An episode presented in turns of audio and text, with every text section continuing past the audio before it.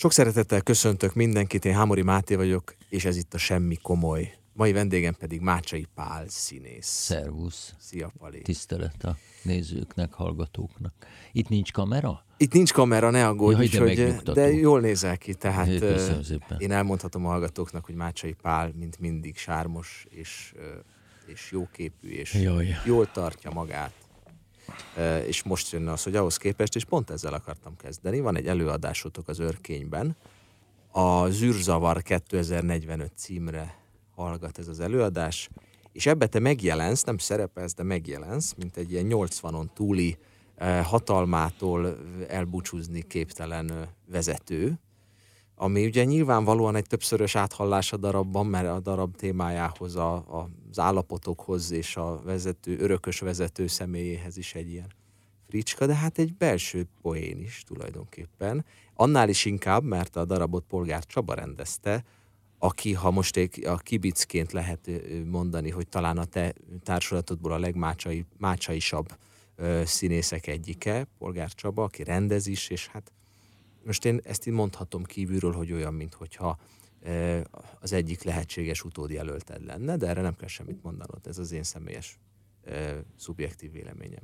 Hogy te azon kell, hogy gondolkodjál, hogy hát a te édes gyermeked az Örkény Színház, és őt mikor engedett ki a kezeit közül, és mikor válik ilyen szempontból nagykorúvá, mikor válsz meg tőle, kell-e, hogy ezen gondolkodjál, vagy ez felmerül-e? Igen, kell. Ezt egy akár az első perctől jelenlévő, akár periódusra választott vezetőnek tulajdonképpen a belépése pillanatától szem előtt kell tartani, hogy ezek szakaszok. Életszakaszok is, munkaszakaszok is, termékenységi szakaszok is. Én nem vagyok az, aki, aki mint akit ott játszom 80 vagy 90, 45-ben mennyi is lennék 2045-ben? Hát ö, 86. 90, Nyom- nem, ja nem, 80, igazad van, igazad van, 80 valamennyi. Sajnos hozzáteszem, már a néző csak streamen láthatja az előadást, levettük, nincs már műsoron, de streamen még időnként látható. Szóval én nem vagyok az, aki, aki képtelen ezt elengedni, amikor időszerű. Mikor időszerű, ezen, ezen gondolkodtál? Hát, hogy ne gondolkodtam volna, persze. Amikor, amikor úgy érzed, hogy a jelen idő sodrában ez egy színháznál sokkal élesebben érezhető, mint a zenekarnál, amikor úgy érzed, hogy a jelen idő sodrában a nálad fiatalabbak tudják tartani a színházat. Ráadásul az igazgatás az, az nem elsősorban művészi munka valójában. Hát itt több mint 40 féle munkakör van a színházban, 40 szakma. Ráadásul mindenki mániákus helyesen, hiszen színházban dolgozik. Egyébként nem ott dolgoznak. Ezért maga az igazgatás az nem különösebben vonzó. Tehát amikor arra célzol, hogy a Polgár Csaba utód-e vagy nem utód, hát ezt majd ő eldönti, hogy érdekli egyáltalán, hogy utód legyen. De biztosak lehetünk benne, hogy töri rajta a fejét, hogy érdekli-e. A fiatalok egy része nem törekszik arra, hogy színházigazgató lehessen. Látja az aktatáskát cipelő, karikás szemű 60 körülieket akik színházat igazgatnak. De hát gondolj bele, hogy egy ilyen krízis, mint ami mögöttünk van. A, a, Mögöttünk van. Hát a Covid. Nem A Covid. Mögöttünk és előttünk, és benne vagyunk. Vagy remélem, hogy, Nyakig. remélem hogy, hogy főleg mögöttünk, amikor be kell zárni, a színházat mégis át kell húzni ezen a krízisen, és egyben kell tartani, és a közönséggel való kapcsolatunkat meg kell őrizni, mint ezt minden igazgató elmondja. Utána ezek a pénzügyi dolgok, hát ezek, ezek ilyen kríziskezelések. Hozzáteszem, hogy senki nem kergetett az asztal körül, hogy én legyek színházigazgató, én akartam, és egy percig sem bántam meg. A krízisekkel együtt sem. Hogy az őrkény létrejött, és hogy, és hogy olyan, amilyen. Szóval ez egy érdekes pozíció, valóban nem szexi dolog igazgatónak lenni, meg egyáltalán nem olyan jó érzés hosszan viselni az embernek a vállán, x embernek a, a megélhetési problémáit, a lelki problémáit, a, most éppen mondtad, hogy mik- mikor ide jöttél, éppen egy kis ö, békítésben vettél részt, mert, mert a kollégáid között is hát nyilvánvalóan vannak emberi surlódások, amiben nyilvánvalóan neked kell, kinek másnak, már csak a terápia óta is gondolom kétszeres energiával adod a pszichiátert, pszichológust és lelki atyát, de ez ettől függetlenül is feladata egy vezetőnek. Ez azért egy bizonyos alkatú embert kíván, és most én a, nem, nem akarok ezen a polgárcsabán rúgozni, csak hogy kívülről látom, szerintem az ő alkatában benne van ennek a lehetősége, de ezt majd eldönti valóban. De most rólad van szó, és arról, hogy azért az, hogy valaki egy ilyen pozícióba kerül, ez nem, nem valószínűleg, hogy pöttyös labdával játszottál hat évesen, és aztán eszedbe jutott, hogy ez mennyire jó lenne. Ráadásul, hogy az ember látja, én még akkor nagyon kicsi voltam, mikor neked indult a pályád, de hogy azért ott voltak flikkek, flakkok, voltak esetlegesen kérdések, hogy ez így jó-e, vagy merre tovább. Ma csak arról beszélek, hogy ugye eleve beadtad az eltére is a jelentkezésedet Igen. a színművészeti mellett, aminek persze sok oka lehet, engem is akartak kapacitálni, hogy legyek orvos is, legalább, de én lázadtam ez ellen, és csak a Zeneakadémia karmesterképzőre adtam be, de nem, de az mikor érezted meg magadban azt, hogy ez, ez lehet? Az csak hoz, hozott, dobott a gép egy ilyen lehetőséget, és akkor elindultál, és közbe derült ki, hogy ez működni fog, vagy korábban? Uh, valójában úgy tűnik, ha az ember ránéz, mondjuk erről a, ebből a pontból, ahol én most éppen vagyok, hogy ez egy nagyon is egyenes vonalú pálya színházi értelemben.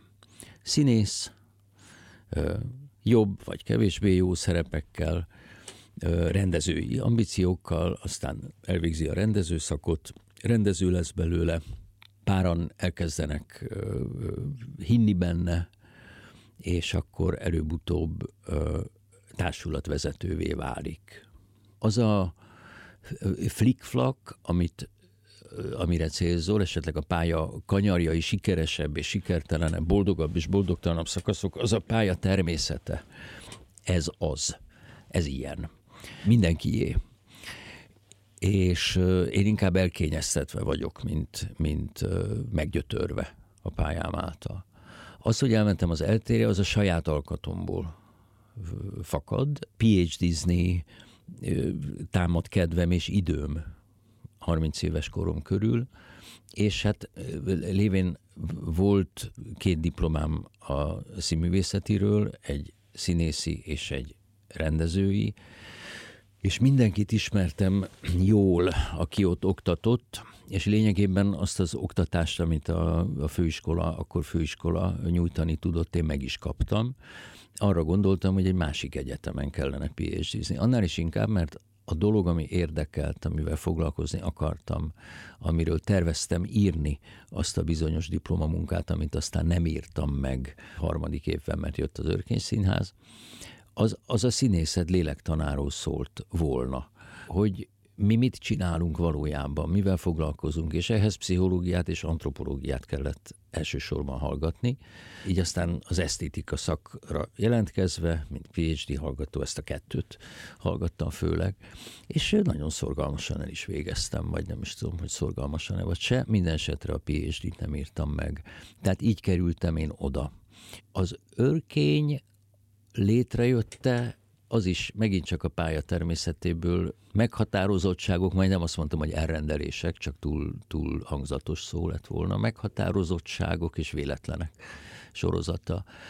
Amikor a Madács Színház, ahol éppen tag voltam, végképp át sorolt a zenés színházak közé, akkor páran boldogtalanná váltunk. Egyszerűen fogalmazva azért, mert nem tudunk jól énekelni bonyolultabban fogalmazva azért, mert az a rétegzettség, ahogy a színpadi zenés műfaj a dolgainkról beszél, az minket nem elégített ki.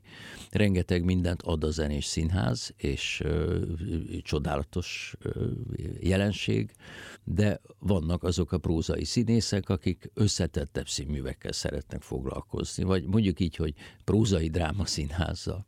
És akkor páran boldogtalanná váltunk a Madács színházban. És a párboldogtalan ember közül néhányan mint rendezőben, aki már akkor a Madácsban előadásokat rendeztem, bennem látták az esélyt arra, hogy, hogy én mellém csatlakozva, még az is túlzás, támogatva, vagy valamiféle reménykedéssel, inkább így mondanám, a hit is túlzás. Csináljunk valami pici társulatot. És akkor én egy egész kicsi helyre gondoltam, négyen, öten, egy stúdióká méretűre, amit nem találtam sehol sem a városban, mert hát ahhoz, ahhoz kellett volna jó terem, az elszánás bennünk megvolt, hogy azt kifessük, és székekkel telehordjuk, és saját kezüleg csináljuk természetesen, de nem volt ilyen terem sehol. És akkor egyszer csak kiderült, hogy a Madács kamarát, ami a Madács Színház részeként működött, ahonnan mi jöttünk, jóformán mindannyian, vagy majdnem mindannyian, Gálfi László kivételével a kezdő csapatból, hogy a Madács kamarát le akarja választani a tulajdonos a Madács Színházról.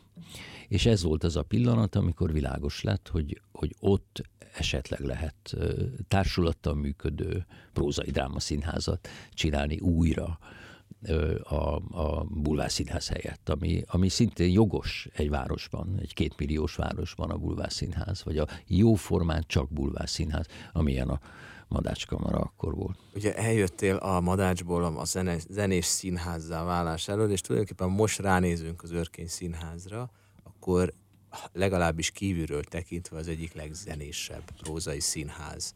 Itt most, ha a művész színházakat veszük Budapesten, mondtad, nem tudsz énekelni, ehhez képest rendszeresen gitározol, az örkénykerten mindig szoktál gitározni. Énekelni is szoktál, mert az előadások tele vannak zenével, ráadásul van egy fantasztikus zenei vezetőtök, Kákonyi Árpád személyében, aki, aki, aki a mi szakmánk, most ez hülyeség, hogy a mi szakmánkban, de hogy ugye az én korosztályom az Árpi, és hát egy maximálisan széles körülön elismert, fantasztikus, zseniális űrge.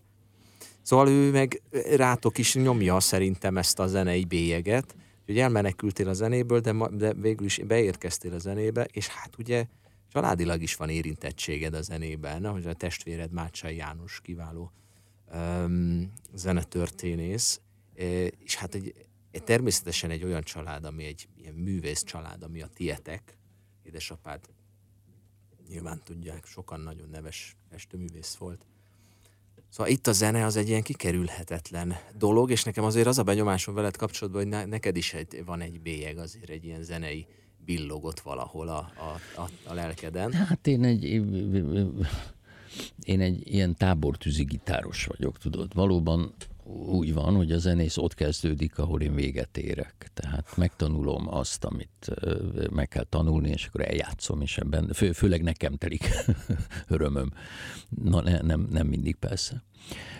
Nem, azért az őrkény az egy prózai színház, ahol kivételesen fordulnak elő a zenés darabok. Most éppen egy nagy apparátusú zenés darabot próbálunk, a Black Rider-t, a Kákonyi Árpi zenei vezetésével, és hát elő-elő állnak kicsi zenei apparátusokkal előadások. Nem nagyon Nálunk... tudnék darabot mondani, amiben nincsen olyan zene, amit Jó, használ hát a társulatnak olyan, az ének és zenei Igen, élés. ebben igazad van. Hát ebben a igazad legutóbb van, az de... ajtót láttam, az konkrétan egy koncert.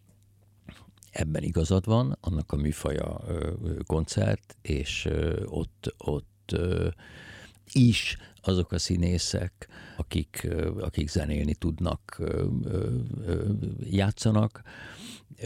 Mondjuk a Borsi Balog Máté féle Winterreise-t. Szóval most bocs, hogy ezt mondom, de Jó. te zenés színházat csinálsz. Most lehet, hogy nem abban az értelemben, ahogy a Madács színházat nevezzük zenés színháznak, hogy nem az operász fantomját játszátok, de hogy a Inkább... a zene az egy alap, alap kelléklet. a hattyúban is, a hattyúban is ki, ki, ki, kifejezetten sokat zenélünk. Én magam is gitározok benne, de ez a Winterreise kivételével alkalmazott zene, nem, nem zenés művek, amelyekhez nyúlunk nagyon, mint színházi hatóelem, mint elsődleges színházi hatóelem, nagyon is használjuk a zenét. És valóban abban igazad van, hogy inkább talán, mint másút, már csak azért is, mert nálunk nagyon ügyetlen a színpad, és látványokkal igazán ö, Hát szóval ne, nehéz nálunk nagy látványokat csinálni. Nem, nem, nem kell szabadkoznod a, a, zene hatás, miatt. De, de hogy szabadkozom, csak próbálom megmagyarázni, hogy, hogy nem vagy, nem, vagy, nem, vagy nem megmagyarázni, nem hanem, hanem tisztázni. Ez visszatérés a természetes állapothoz az én szemszögemből. Az stimmel, de, az stimmel, de ezek nem zenés művek. Tehát jó, a Black Rider az valóban, és a Winterreise az, ami az egy... Az Ice az egy zenés mű szerint. Hát eredetileg nyilván. Na, persze. És most úgy Igen, de a Csehov sirája az meg nem egy zenés mű. Hát rendben van. És a Szabó Magda ajtó sem zenés mű, vagy a, vagy a Molnár Ferenc hattyú sem. Tehát csak arról van szó, hogy, hogy ez hatáselem, és mi szeretjük, és ö, ö, alkalmazzuk, és ö, valóban van egy ilyen ö, tudása a színháznak, a társulatnak mindenek előtt, tehát sokan énekelnek nagyon jól. Tehát mit tudom én, a Takács Nuradiának most koncertje van, TND címen, amit csak ajánlani tudok mindenkinek, hogy nézze meg. Szilveszterkor a nagy színpadon lesz, és ö, ö, egyébként a stúdióban játsza, ö, Fica István is fellép, meg én is, sokan énekelnek remekül. Nem csak Borsi Balog Máté vagy a Nóra Dia, hanem nagyjából a féltársulat tényleg kiválóan énekel és ezt mi használjuk ugy, ugyanúgy, mint a mozgást, és, és elsődlegesen használjuk, és valóban úgy van, ahogy mondod, hogy a, a Kákonyi Árpi nekünk egy, hát finoman szólva is meghatározó tüneményünk a színházban. Ez azért érdekes, ugye két dolog van itt, hogy meghatározó. Talán most nyilván nem mondtam végig, mert hogy alkotni vagyunk, nem dicsérni, eh, ahogy József Attila mondja, és most nem azért van ez a műsor, hogy én felsoroljam a te eredményeidet és díjaidat, amit nyilvánvalóan Köszönöm szépen, ha nem teszed. Uh, nyilván a szerepeid, a, a filmjeid, amit tudom mi, ez, ezek el lehet mondani, hogy valóban az egyik legnagyobb évű színész pályát mondhatod magadénak. De azért is lukadtunk ki szerintem a, az örkénynél, azon túl, mert most aktuálisan, hát aktuálisan 20 éve vagy ennek a színháznak a vezetője, és meghatározó figurája, mert ahogy én látom, a legnagyobb művészi, mondtad, hogy a színház az nem művészi tevékenység, a színház vezetés, de valahol... Nem pusztán. A, a, a valahol a, leg, az, a legmaradandóbb ö, eredményed, most ha a film szerepeket elvesszük, az szerintem, az én meglátásom szerint az az, hogy fölépítettél egy színházat, és létrehoztál egy társulatot, sőt, tovább megyek, létre, létrejött társulat és a színház kapcsán egy közösség, mert ugye a társulat az nem csak a társulatból állók, hanem a társulatnak bizonyos értelemben az a x száz ember, vagy ha felszorzom, akkor x tízezer ember, aki az örkénynek eh, a törzs közönsége és visszaerő közönsége is a része. Tehát eh, ennek a felépítése az egy az bizonyos értelemben nagyon nyomot hagy maga után, mint a legjobban eljátszott nagy szerep, nagy tudom én, Romeo alakításod, vagy mondhatnám valamelyik filmszerepedet, vagy mondhatnám a terápiát, amit nagyon sokan láttak, és országos, az országos ismertségedet talán még duplázta, vagy nem is tudom. Ez a fajta ö, eredmény, vagy ez a fajta tevékenység, bár nem olyan szexi, és nem hoz olyan instant örömöt, de hosszú távon meghatározó. Ezért is kérdeztem, és kezdtem az egészet az utódlás kérdésével, és azzal, hogy az örökségedet, mert ez a te örökséged bizonyos értelme, nem akarlak temetni, egy ereje tejében levő ember vagy, és kívánom, hogy még legalább 20 évig te vezess tényleg ezt a színházat, vagy te ezt tudod, hogy meddig kell, meg meddig nem. De, de hogy ez egy, ez egy nagyon komoly örökség, és szoktál-e azon gondolkodni, a saját szerepeden túl, hogy ez egyszer véget érhet. Ez teljesen személyes megfontolásból kérdezem, nekem is van egy, egy ütesem, én csak tíz éve vezettem, de ugye az, az élet és a jelenlegi dolgok azok ezt a kérdést eléggé élesen vetítik az hmm. elmémbe bele, hogy ugye nem az én szerepem ér véget, hanem a társulat ér véget. Igen. Akár. Ez Igen. fölmerült a húsz év alatt valaha, Föl. hogy az, az örkénynek vége. Föl. Először válaszolok arra, amit az elején mondtál ennek a szakasznak, hogy valószínű, hogy az úgynevezett életmű, aminek már, már, már a szó maga is olyan pöfeszkedő, hogy jobb lenne kikerülni, csak nincs jobb. Tehát, hogy amit az életemben csináltam, annak a leg közepén az Örkény Színház van. Ez minden bizonyal így van. Ha csak a befejezése után nem csinálok valamit, hogy mégse legyünk ennyire nekrológ ö, ö, szerűek. A, a, a, de abszolút jogosan beszélsz erről, és én meg ön, öniróniával mondom, mert semmi kedvem befejezni a létezést. A, a másik kérdésed az ennél ö, fájdalmasabb és ö, égőbb, Ugye arról van szó, hogy van egy, van egy kultúrpolitika, amelyik egyes zenekarokat fölöslegesnek nyilvánít. Ez rémes, és ugye te nagyon szépeket mondtál rólam, és van az a, van az a csodás Arany János vers, hogy Uram lángész lakik önben, önben, uram nem különben. Tehát, hogy ugye visszaudvarolni, de hát az, az tudott, hogy az őrkénynek és a te zenekarodnak, a Danubiának van egy ö, szoros kapcsolata. Mégpedig azért, mert nagyon becsülöm azt, amit ti csináltok, és te, te is kedveled azt, amit mi csinálunk. Hát Istenem, ez van. De hát a te zenekarodnak az útja valóban a majdnem semmiből, szerény támogatásokból, elszánásokból és, és gondolatból és közlendőből való felépítése, az nagyon hasonlít ahhoz, ahogy, a, ahogy az őrkény felépült. Igen, volt olyan szakasz, nem volt annyira éles, mint a tiétek most, amikor amikor még a Madács Színház része voltunk szervezetileg, és éppen a kulturpolitika úgy döntött, hogy a zenés színházakat nagyon ö, kevéssé támogatja, azt nem lehet mondani, hogy egyáltalán nem, de minden esetre nagyon kevéssé, és akkor ezt a ez az őrkényre is vonatkozott, és volt egy katartikus este, akkor még csak 16-an voltunk, és ö, ö, abba kellett hagyni a próbákat, nem volt miből próbálni, és a társulattal leültünk, és kérdeztem, hogy ki hajlandó félpénzért dolgozni a következő beláthatatlan ideig. És mindenki fölemelte a kezét. Senki nem lesett jobbra vagy balra, hogy kiemelte már föl, mindenki azonnal fölemelte a kezét. Ez nagyon, nagyon emlékezetes, és hát ez bennem van azóta is. Támaszkodom is erre.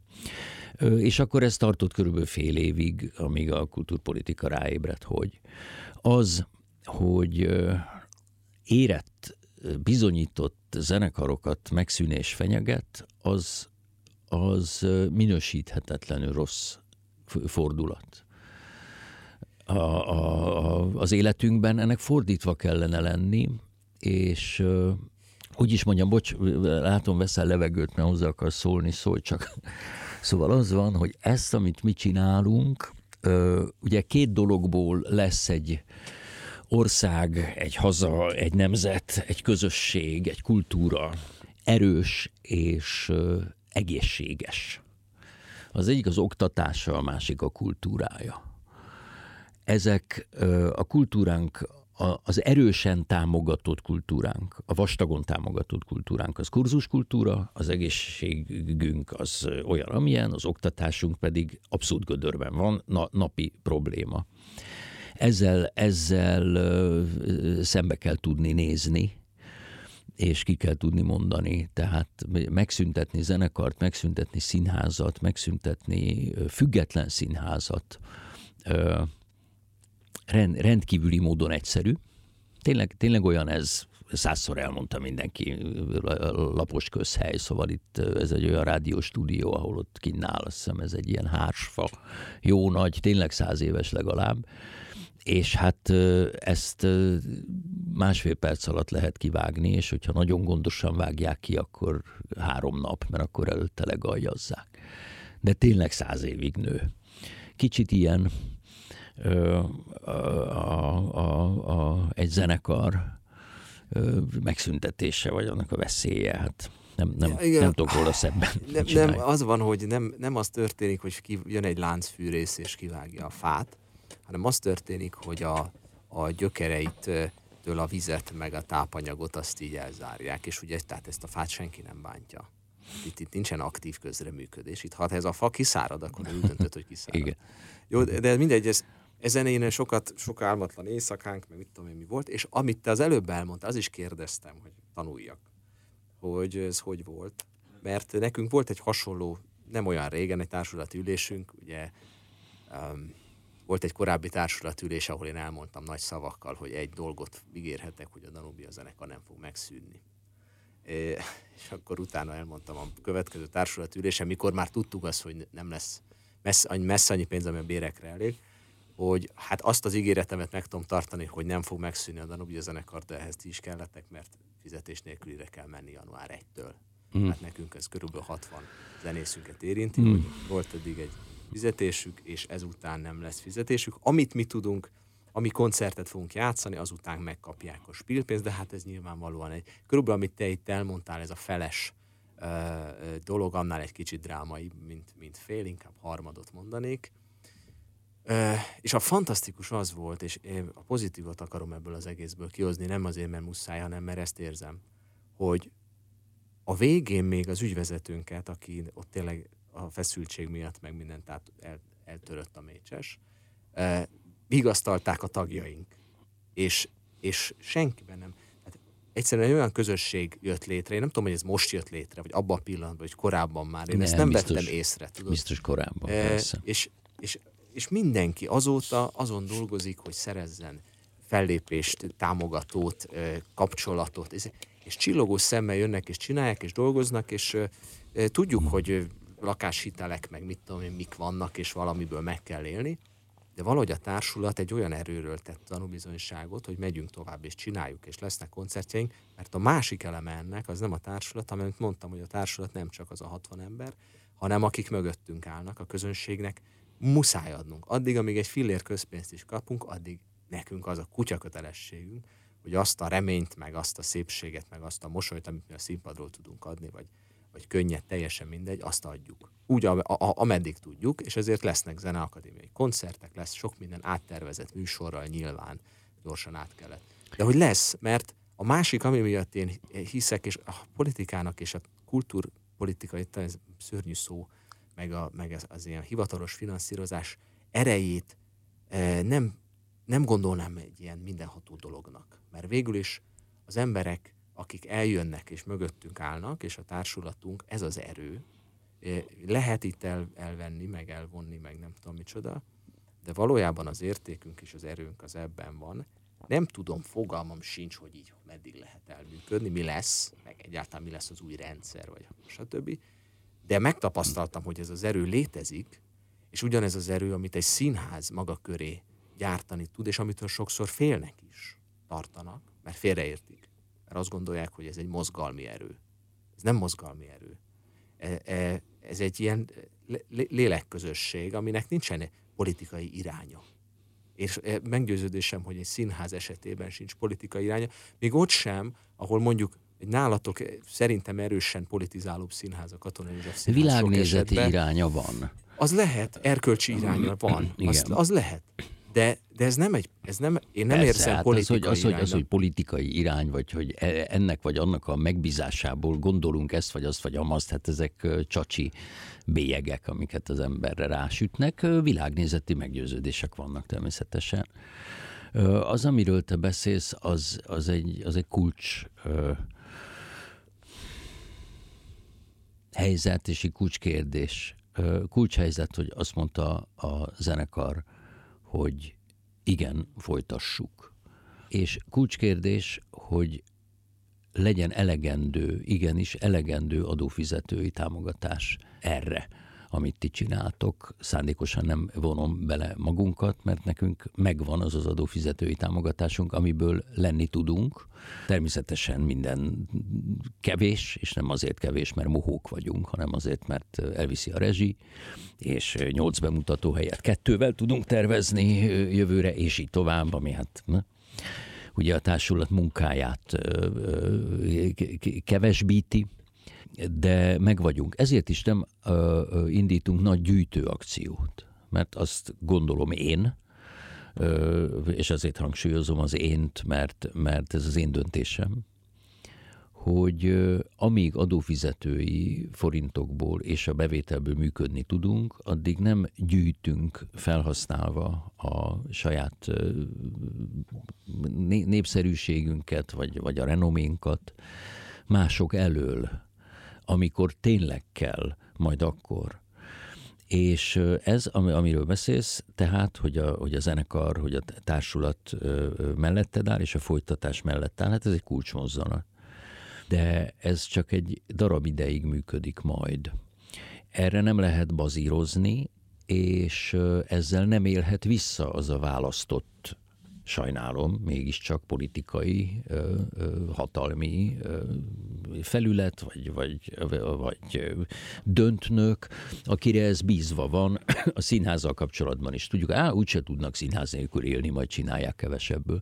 Ismerjük ezeket a cinikus mondatokat, és egyáltalán nem hagyható figyelmen kívül, hogy milyen az ország, milyen az ország lelki állapota, milyen a szellemi állapota, ami minket körülvesz.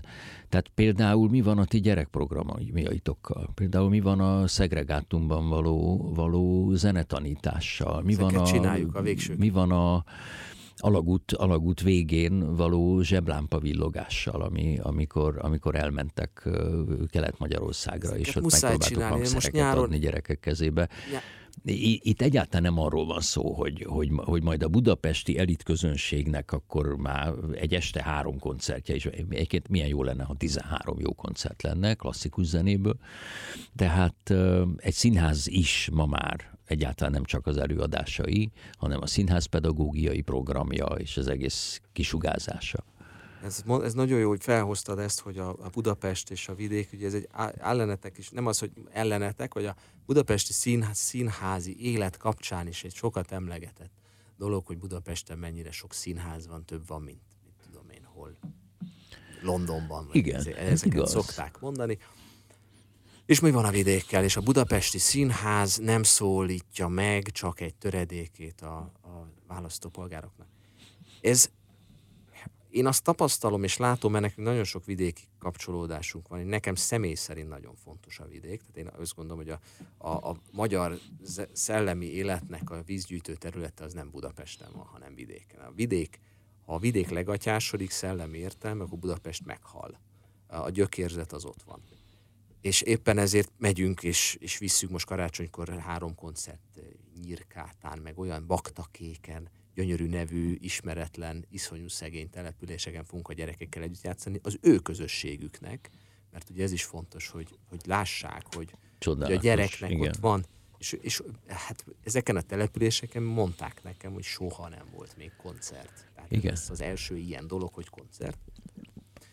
De hogy, de hogy látod a saját a színházadnak a helye Budapesten, a magyar tudom én, színházi életben megkérdőjelezhetetlen, ott van a legjobbak között évek óta az előadásaitok teltházzal mennek. A Covid nyilván nektek sem tett jót, de senkinek. Ezzel együtt én azért nem nagyon kapok jegyet az Örkény Színház, csak ha neked nem szólok, és ilyen urambátyám rendszerbe arra, amire már nem lehet kapni, esetleg szerzel nekem, de ez egyszer fordult elő. Egyébként megveszem, ha lehet, két-három hónapra előre. Szóval, hogy nincs ilyen problémátok. De mi van az ország többi részével, mert ugye Budapest az egy nagyon külön történet. A, a, a Covid alatti elkezdtétek a streamet, Igen. elkezdtetek kilépni e, bizonyos értelemben abból a jól bevált kis e, komfortzónátokból, Érdekel az téged személy szerint? Akarsz te a, a Madács téren túl nyúlni vidékre? Akarod, akarod formálni? Hát elég a... sokat járok vidékre. Én azt tudom, hogy te személy szerint, de hogy tud az Örkény Színház? Somogy túról jövök, Pécsre megyek. Nagyon jó. Tud, tud az Örkény Színház szerepet játszani nem, valamilyen módon? Nem, nem, csak a streamen keresztül. Nem, nem tudja kifizetni a vidéki kultúrafogyasztó szervezői, tehát a műfázak szervezői rétege azt, hogy egy fővárosi színház leutazzon, és nem azért, mert mi sok pénzt kérünk egyáltalán, hanem mert le, le kell vinni egy díszletet, be kell világítani és utána haza kell hozni. Tehát azokkal az icipici apparátusú darabokkal tudunk utazni mint amilyen mondjuk az azt mesélte Pista, vagy a, vagy a Lélek legszebb éjszakája, vagy a, pedig én jó anya voltam. Ezek egy vagy két szereplős darabok. A nagyobbakkal nem, ez, ez gyakorlatilag megszűnt.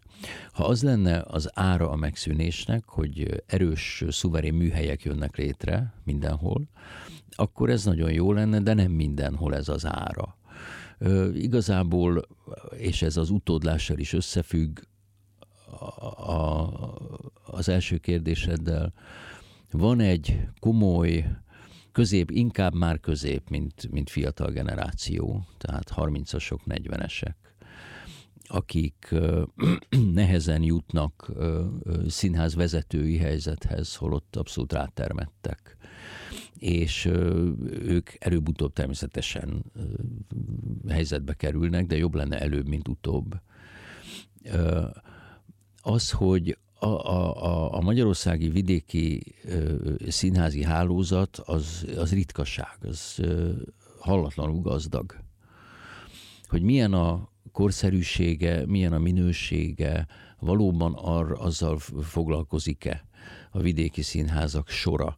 Egyesek igen, egyértelműen hogy, hogy az esztétikáját előadásról előadásra csisz, csiszolja, és hogy a világunkhoz nem politikailag, nem pusztán közérzetileg, hanem, hanem, hanem esztétikailag is hozzászóljon, abban már nem lehetek biztos. Néhány helyen igen, így van. Tehát, tehát csak fiatal erős, jól képzett rendezői gárda tudja tovább vinni.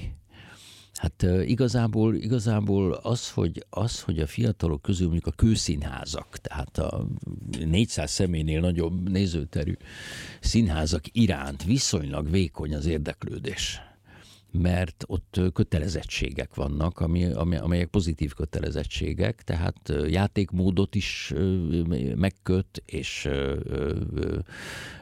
bemutató számot is, és így tovább. Azok, azok kevésbé vonzóak, mint, mint hogyha felszabadítanák ezeket a, ezeket a karókat ami alatt azt értem, hogy ha négy bemutató kell, akkor négy bemutató kell, de hadd lehessen mondjuk kétszer megbukni. Azért, azért ne feltétlenül azonnal büntetés járjon egy fiatal színházigazgatónál, hogyha mondjuk, vagy egy évadon keresztül, amíg, amíg, amíg rátalál arra, hogy hol van a kapcsolat ő közte és a, és a, és a, és a, és a közönsége között. Neked az vezetőként egy, egy hosszú tanulási folyamat volt, még kitanultad a közönségedet? Igen. Sok bukás volt benne? Volt egy pár, igen. Hát szerencsére, persze. És ö, ö, sose lehet előre tudni, hogy mi a bukás. Egyébként, az se, hogy mi a siker. Váratlan dolgok is vannak. Ö, kockázat elengedhetetlen. A sikerhez is, a, a, a bukáshoz is. Nálunk a folyamat, amíg létrejöttünk, az azért emlékezetes, mert Ugye úgy lehetett az új repertoárt felépíteni, hogy levettünk egy régi előadást, amit örököltünk, és helyette mutattunk be egy újat. Tehát ez volt az átalakulás három éve, ez három évig tartott. És a régi Madács Kamara közönségének kb. 40%-a megmaradt, és jött velünk.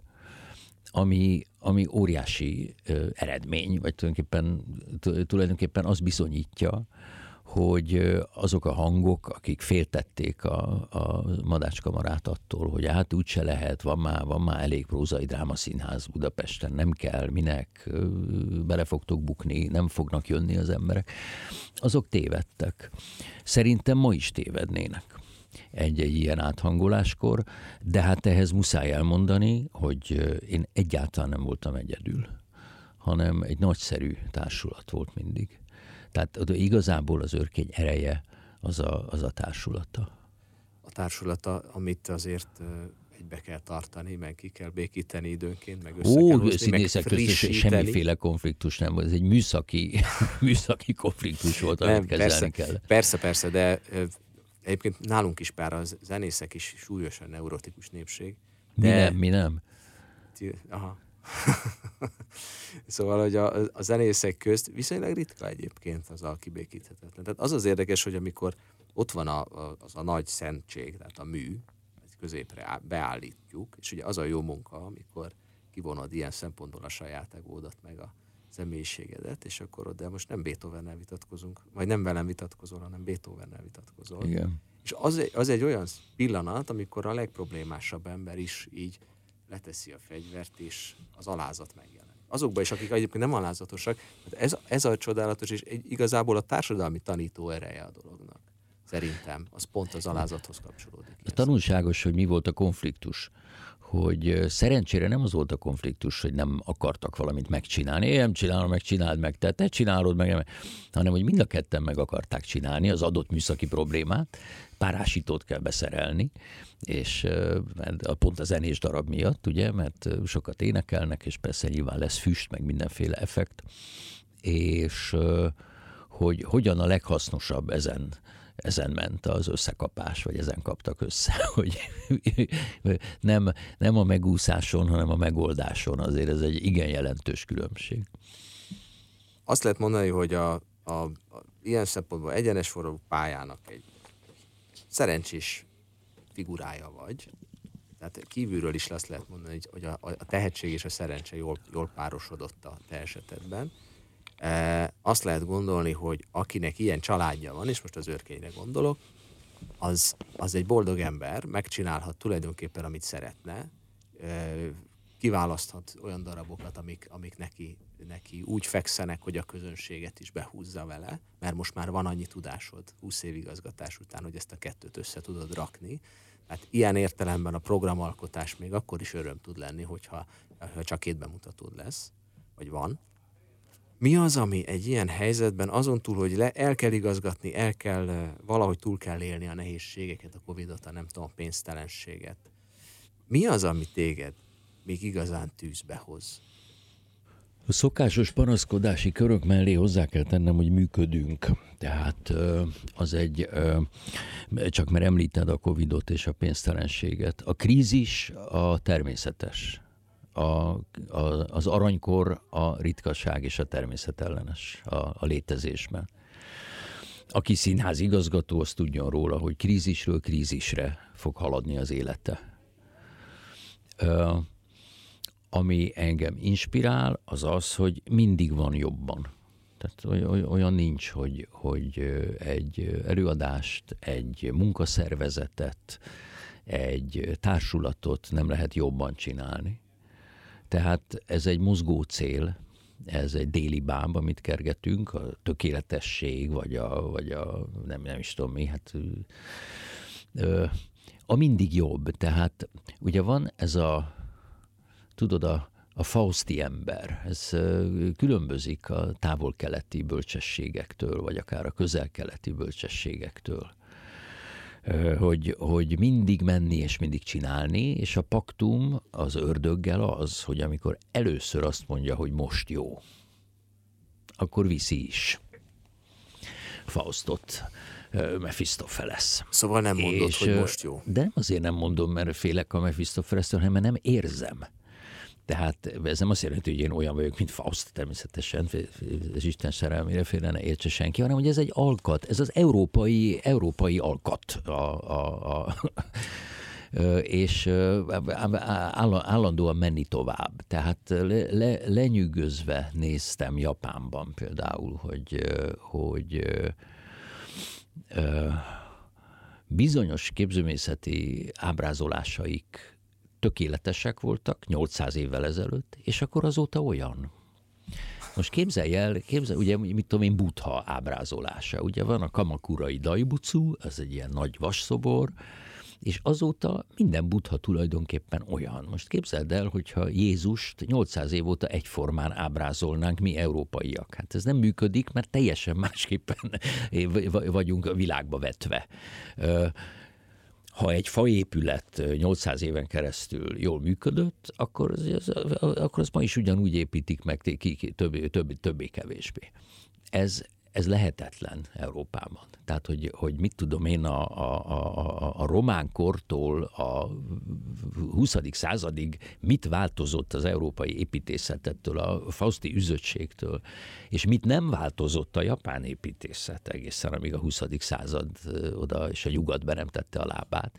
Hát ez egy, ez egy, ez egy, ez egy jele, vagy mintája, vagy mit tudom én milyen annak, hogy, hogy mi az, ami engem inspirál, vagy mi az, ami működ, működtet. Hát valahogy az, hogy úgy vagyok a világban, nem egyedül természetesen, hanem sok-sok milliárd ad magammal, hogy, hogy kíváncsi vagyok arra, hogy mi, mi van, vagy mi lesz. Vagy mi legyen. Mindig felszokott merülni itt a, a beszélgetéseinkben, vagy a beszélgetéseimben olyan emberekkel, akik ilyen ennyire magas hőfokú alkotók, hogy, hogy kiviszi át a szerelmet című kérdés, abban az értelemben, ahogy szerintem a vers érteni ezt, ami nem elsősorban egy szerelmes vers az én értelmezésemben, hanem hogy ezt a fajta, valahogy túléltek, ahogy mondod, igen, hát voltak, mikor tudtak szobrokat csinálni, aztán elfelejtettek a harmadik, negyedik századtól egyre rosszabbak, ugye a római szobrok, aztán megint elkezdtek megtanulni a gótikában Ó, szobrokat hát csinálni. ez nagyon, ez nagyon, és ez, és ez egy nagyon ö, ö, ö, ide tartozó észrevétel, amit mondasz, mert például színház, mint olyan, nem azért nem tudunk drámaírót, mit tudom én, Plautus és Shakespeare között, mert műveletlenek vagyunk, ami egyébként igaz, de, de nem azért nem tudunk, hanem mert nem volt. Tehát ezer éven keresztül ez az irodalom alapú színjátszás, amit mi művelünk, hogy valaki megírja a szöveget, és megtanuljuk, és nem, ez, ez egyszerűen nem létezett. Természetesen voltak nagy teátrális események a, a, a, a vallás ö, ö, környékén, és misztériumok, és az akárki, és így tovább lehet, lehet, meg hát maga egy mise is, de egy jó kis autodafé, azért az is nagy színház. Ajaj.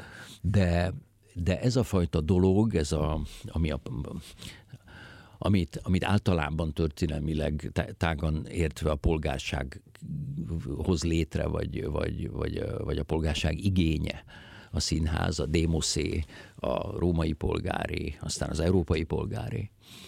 Ö, ö, hát ez nem létezett. Tehát vannak korok, amikor bizonyos kulturális tudások elvesznek, búvópatakká válnak, eltűnnek, aztán jönnek a reneszánszok, és, és föltámadnak. Ezért nem zárunk be például zenekart. és ha te dönthetsz abba, hogy mit viszel tovább, van nektek egy csomó nagyon jó e, pedagógiai dolgotok is, e, van kimondottan ifjúsági előadásotok, de van színházpedagógiai programotok is. Rengeteg mindenre reagáltatok a Covid-ra, ami megint csak olyan embereket szólított meg, akik egyébként nem színházba járok. Szóval van egy olyan indítatás, amit én nagyon figyelek, és tanulni próbálok belőle a saját szakmámmal is, ami arra, arra célzódik, hogy akik egyébként nem hagyományos értelemben a színházi légkörbe járatos emberek, vagy életkoruknál, vagy egyéb oknál fogva, azokat ti megfogjátok, kézen fogjátok valahogy. Tehát ebből én azt gondolom, hogy van szándékod, a szándékotok erre a bizonyos szerelem átvitelre, még akkor is, hogyha lehet, hogy a színjátszás már a te életed alatt rengeteget változott. Hú, hogy, ö, nagyon. Visszagondolok, hogy te talán 80-ban indult a pályád, vagy valami ilyesmi? Igen. 19 éves hát, 80, 83-ban indult igazán nyilvánosan. 83-ban, hát azért az akkori színház, meg ami most van, meg ami lesz, meg ami alakul, mondtad az improvizációt, egyre inkább, meg, meg ott van a Kiváló Dolgozók című előadásotok, amiben ugye nem csak színészek Igen. van. Tehát tágul ez az egész dolog, bizonyos értelemben oldódik, bizonyos értelemben eh, ben, ott van a zene benne, amit én, én nekem nagyon feltűnő. Mi is a zenélésünkbe bevisszük a színházat, rengeteg ilyen. Tehát oldódnak ezek a határok átfele. De e, ennek a kulcsa, ezt te már egyszer elmondtad, az a fiatalokban van, a fiatal alkotókban, abban, hogy a 30-40 évesek megkapják a lehetőséget. Tanítás és az eljutás a gyerekekhez. Az mennyire kiemelt? Nálad te, te abban hiszel, hogy lát, látják az örkényt, látják a tevékenységetetek, és ez elég, vagy kell ennél egy aktívabb szerepvállalás? Ke- kell aktívabb szerepvállalás, természetesen kell tanítani, és a, a tanítás az, az is egy szakma, és én abban hiszek, hát azt tapasztaltam, annak láttam eredményét, amikor a tanár, vagy a mester, vagy az oktató jelen van, és ö, ö, odafigyel. És am, amíg én színházat igazgatok, és játszom is, és rendezek is, addig biztos, hogy nem tudnék kellő figyelemmel egy, egy művésznő vendég felé fordulni. Hát az, az nem lenne szakszerű. Hívtak engem tanítani a színművészetire a múltban, a jelen színművészetére nem hívnak, és nemet, nemet mondtam, fájó szívvel, vagy, vagy, vagy, vagy, vagy rossz kedvel. Abban a, az is intézmény kérdése. Tudod, a színjátszás az, az úgy van, pontosan olyan, mint a zenekar. Abból a szempontból, hogy írni lehet íróasztal fióknak intézmény nélkül. Hát nem öröm, mert éhen lehet halni. És kell egy úgynevezett irodalmi élet. Egy, egy nyelv, nyelvhez jár egy irodalmi élet, vagy több irodalmi élet is de lehet szimfóniát is írni íróasztal fióknak éhen halva, és a festményt is meg lehet festeni a, a padlásnak. Aztán majd fölfedezi az utókor, ha a remek mű. Színjátszás csak a jelenben létezik, filmet is ma már úgy, ahogy lehet csinálni, természetesen igazi filmet nem lehet, de valamiféle nyomot hagyni lehet, vagy feltűnni lehet. Színjátszás nem lehet, csak akkor, hogyha valamiféle intézményes kereted van, egy hely, ahova eljönnek mások megnézni. Zene, zenekart, is, zenekart is csak így lehet csinálni. Az oktatással is hasonlóképpen van. A színjátszást azt intézményes keretek között lehet, lehet tanítani a rendezést is csak praxison keresztül lehet tanítani. Tehát azzal kellene foglalkoznunk, hogy az intézményi kereteink, a művészeti alapiskoláink, középiskoláink és felsőiskoláink jó állapotban legyenek, szakmailag is és anyagilag is. Tehát a legjobbak tanítsanak ott. Ezzel kellene foglalkozni ö, nem, nem ö, hát nem, nem is világnézeti kérdésekkel kellene foglalkozni, hanem szakmai kérdésekkel kellene. A kettő itt-ott átfed, de, de azt hiszem, hogy, hogy a, a művészet oktatásban ö, túl nagy, illetve nem azt hiszem, hanem azt mondom, hogy a művészet oktatásban túl nagy szerepe van világnézeti kérdéseknek szakmai kérdésekhez képest. Jelenleg? Ma. Ma. De ez jön, megy. Hát figyelj, mi tanultunk tudományos szocializmust, nem kellett bejárni, tehát meg PG-t. Tudod te mi a PG? Nem, Politikai gazdaság. Ja. Nekünk volt ilyen tantárgyunk, ezt nekünk, nekünk oktatták, nem nagyon vettünk részt ezeken az órákon. Tehát amikor, amikor ez nincs komolyan véve, ez a muszáj, hanem a szakmával van foglalkozva, a próbával van foglalkozva, akkor, akkor, ki, akkor ki lehet bírni. Ide tartozik így a záró, záró kérdés, de remélem nem lesz nagyon sötétre hangolva. Nekem mostanában e, így a aktuális történések kapcsán is többen egymástól függetlenül javasolták, hogy én miért nem megyek el. Már hogy külföldre. Igen. Ugye, ne, de ne, nehéz helyzetben vagytok színészek, mert ugye Kabos Gyula szegény is csak Magyarországon tudott világhírű lenni, mikor kiment az Egyesült Államokba, akkor az már egy egész más kávéház volt. Nagyon keveseknek sikerül az, hogy magyar színészként, mondjuk te pont egy picit kivétel vagy, mert azért nemzetközileg is. Én? Hát, Ó, nem, hát egy-két né- német filmben játszottam, hát, mint vendég. Pont egy-kettővel több, mint amiben a legtöbb magyar színész játszik. Valóban, de hát én nem, én nem, Jó, én nem vagyok nemzetközi. Nem vagy nemzetközi sztár, de, de hát pont amiatt, mert a mi kis nyelvünk, meg a mi kis, nem tudom, ez a magyar nyelvbe, aranykalickába belezárt magyar színművészet és, és irodalmi élet, az ide van kötve, de mi lenne akkor, ha mondjuk te egy zenész lenne, az én helyemben lennél, uh-huh. és fiatalabb is lennél. Igen. Elmennél? Az én fiatal koromban az elmenés azt jelentette, hogy elmész és 5-8 év múlva lejár a Priusod, és akkor hazajöhetsz meglátogatni a szüleidet. Diszidálásnak hívták, tehát itt most nem erről van szó. De Mindenképpen ma... keresném a, a, a, a zenészként a nemzetközi terepet és színházként is, is keresném a nemzetközi terepet, és, és rendkívül érdekel, hogy mi van a világban. És visszajönnél? Hát ha olyan volna a klíma, hogy egyrészt tudnék annyit, hogy, hogy kellek külföldön, és kellek Magyarországon, és olyan volna a klíma, hogy, hogy visszahív, akkor természetes. Természetes. Tehát most, mit tudom én, a Bodó Viktorra gondolok, aki jóval többet dolgozik külföldön, mint Magyarországon.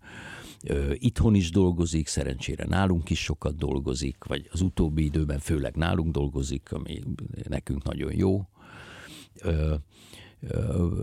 most a Vix Színházban rendezett kiváló előadást egyébként. Tehát ez is egy létező Ovalik Balázs például. Ba, Balázs is. A Balázs nálunk szokott csak rendezni Magyarországon, sajnos. Bármilyen jól esik is ez a mi hiúságunknak, de, de mégis sajnos. Szóval ugye ez egy nyitott földrész, amelynek a kultúrája ö, jóformán közös, és roppant termékeny, ha egymásra hat. És ez egy, ez egy létező életforma. Színészként, hogyha jól beszélsz nyelvet, vagy jól beszélnél nyelvet, akkor igenis lehet váltani országok között. Pont ebben a német filmben, amiben játszottam, volt három-négy színész, aki tökéletesen beszél két-három nyelvet, és hol itt forgat, hol ott. A társulatba kötöttség, az, az egy nagyon erős gúzs abból a szempontból, hogy nehezebb ide-oda ugrálni színészként. Ugyanakkor azzal ajándékoz meg, hogy, hogy, hogy magas szintű színpadi kapcsolatokat lehet, lehet létrehozni. Tehát az, hogy mi ismerjük egymást, az pont olyan termékeny, mint egy zenekarban, ha a másik nem a tekintetéből, hanem a bőr elektromosságából érzed, hogy hol lesz a ritartandó. Ehhez idő kell, ehhez összeszokás kell. És ez egy, ez az általam ismert leg, leg kiérleltebb foka direkt kerül, kerülöm a magas fokát, nem, nem, nem dicsérni akarom magunkat, de hát mégis a legérettebb foka a színház csinálásnak a társulati. Én ezért is mondtam, hogy ez a te az egyik csúcs teljesítménye, de ez az egész, közös természetesen. Ezt úgy mondjuk egy másik szakszóval, a máltás közös hangos szakszóval, hogy jelenlét. Tehát ők ugye azt mondják, hogy az integráció meg minden akkor működik, ha te ott vagy. Tehát ne az nem, hogy elmész egyszer, elmész kétszer, de ha elmész. Igen. Minden összeomlik. Ha ott vagy, effektíve ott vagy, fogod a kezét x napon keresztül egy héten, akkor kezd el működni a dolog. És ugyanez van a társulatnál, és ez azt hiszem a közösségnek a definíciója, onnan el is indítottuk az egész beszélgetést, és amiért én azt gondolom, hogy ugyan a lehetőség meg, talán meg lenne is, de mégis azért valahol ez az ország, ez a város, nem tudom, minden esetre jobban járt, és egy nagyon definitív eh, élménye, egy ho- hovatartozás élményt ad az, hogy én hova járok színházba, hova járok koncertre, ez az enyém, ez az együttes. Én a sajátoménak érzem. Igen, és ehhez van. ez a jelenlét kell, az, hogy te itt legyél, az, hogy a te színészeid itt legyenek. Minden este tudjam, hogy bemegyek a Madács térre, és akkor tudom, hogy kikkel fogok találkozni. Igen, ebben igazad van, ez e, így van. Ez egy, ez, ez nem válthatja ki semmi, semmilyen külföldi karrier, bár nyilván más az egyén szempontjából. Teljesen más, hogy vetődik fel a dolog, de én azért a magam részéről, mint néző örülök, hogy ez így alakult. Szóval édesapádat említettük, aki ugye híres Igen. festőművész volt, és nekem azt is mondtad, hogy nyílik most egy kiállítás. Ó, hát nagyon is, december 8-án nyílik, és egészen áprilisig nyitva van a Szeli Múzeumban. Hát ez egy nagy életmű kiállítás. És ugye itt beszélgetünk arról, hogy, hogy mik a feladványok, vagy mik a szakaszok egy életben, és ott aztán végig lehet követni tulajdonképpen, hogy milyen egy 20. századi tipikus élet, hogyha valaki arra adja a fejét, hogy, hogy művészettel foglalkozzon, hogy mik a muszájok, mikor van a kitörés a muszájból, mikor találja meg valaki a saját hangját, mennyire képes végigvinni, kell-e kompromisszumot kötnie, ha, ha köt hol, Vajon látszik-e egy életműből, hogy mi az igazán fontos? Mert ő nagyon sok mindenre foglalkozott, amit nem tudnak. Fotózott is, és filmezett is, és ebből ott mind lehet látni ezt, azt, és maga a kiállítás is azzal foglalkozik, nem csak a festményekkel, hanem hogy próbálja megérteni, hogy ez a őrületes rögzítési vágy, ami apámban volt, hogy, ez, hogy ebből mi a legfontosabb. Valószínű, hogy a képek persze. De nem lehet azt igazán tudni Könnyű dolga van, teszem hozzá, irigylésre méltóan könnyű dolga, mert rendelkezésére áll az utókor. Hm. Te részt vettél a kiállítás tehát a kitalálásában? Nem, ez Béna Gyanikó kuratóriumi munkája. Annyiban vettem részt, hogy a falról levettem azt a két-három képet, ami nálam van, és odaadtam a kiállításra. De a kérdéseire válaszoltam természetesen, de nem, ez az ő önálló, szuverén alkotása, mint, mint kurátor. Egy dolgot, karácsonykor fog lemenni, utolsó dolog. Ha egy dolgot kérhetnél. Igen. Karácsonyra. Mi lenne? Nyugalom. Úgy legyen. Köszönöm szépen, hogy eljöttél.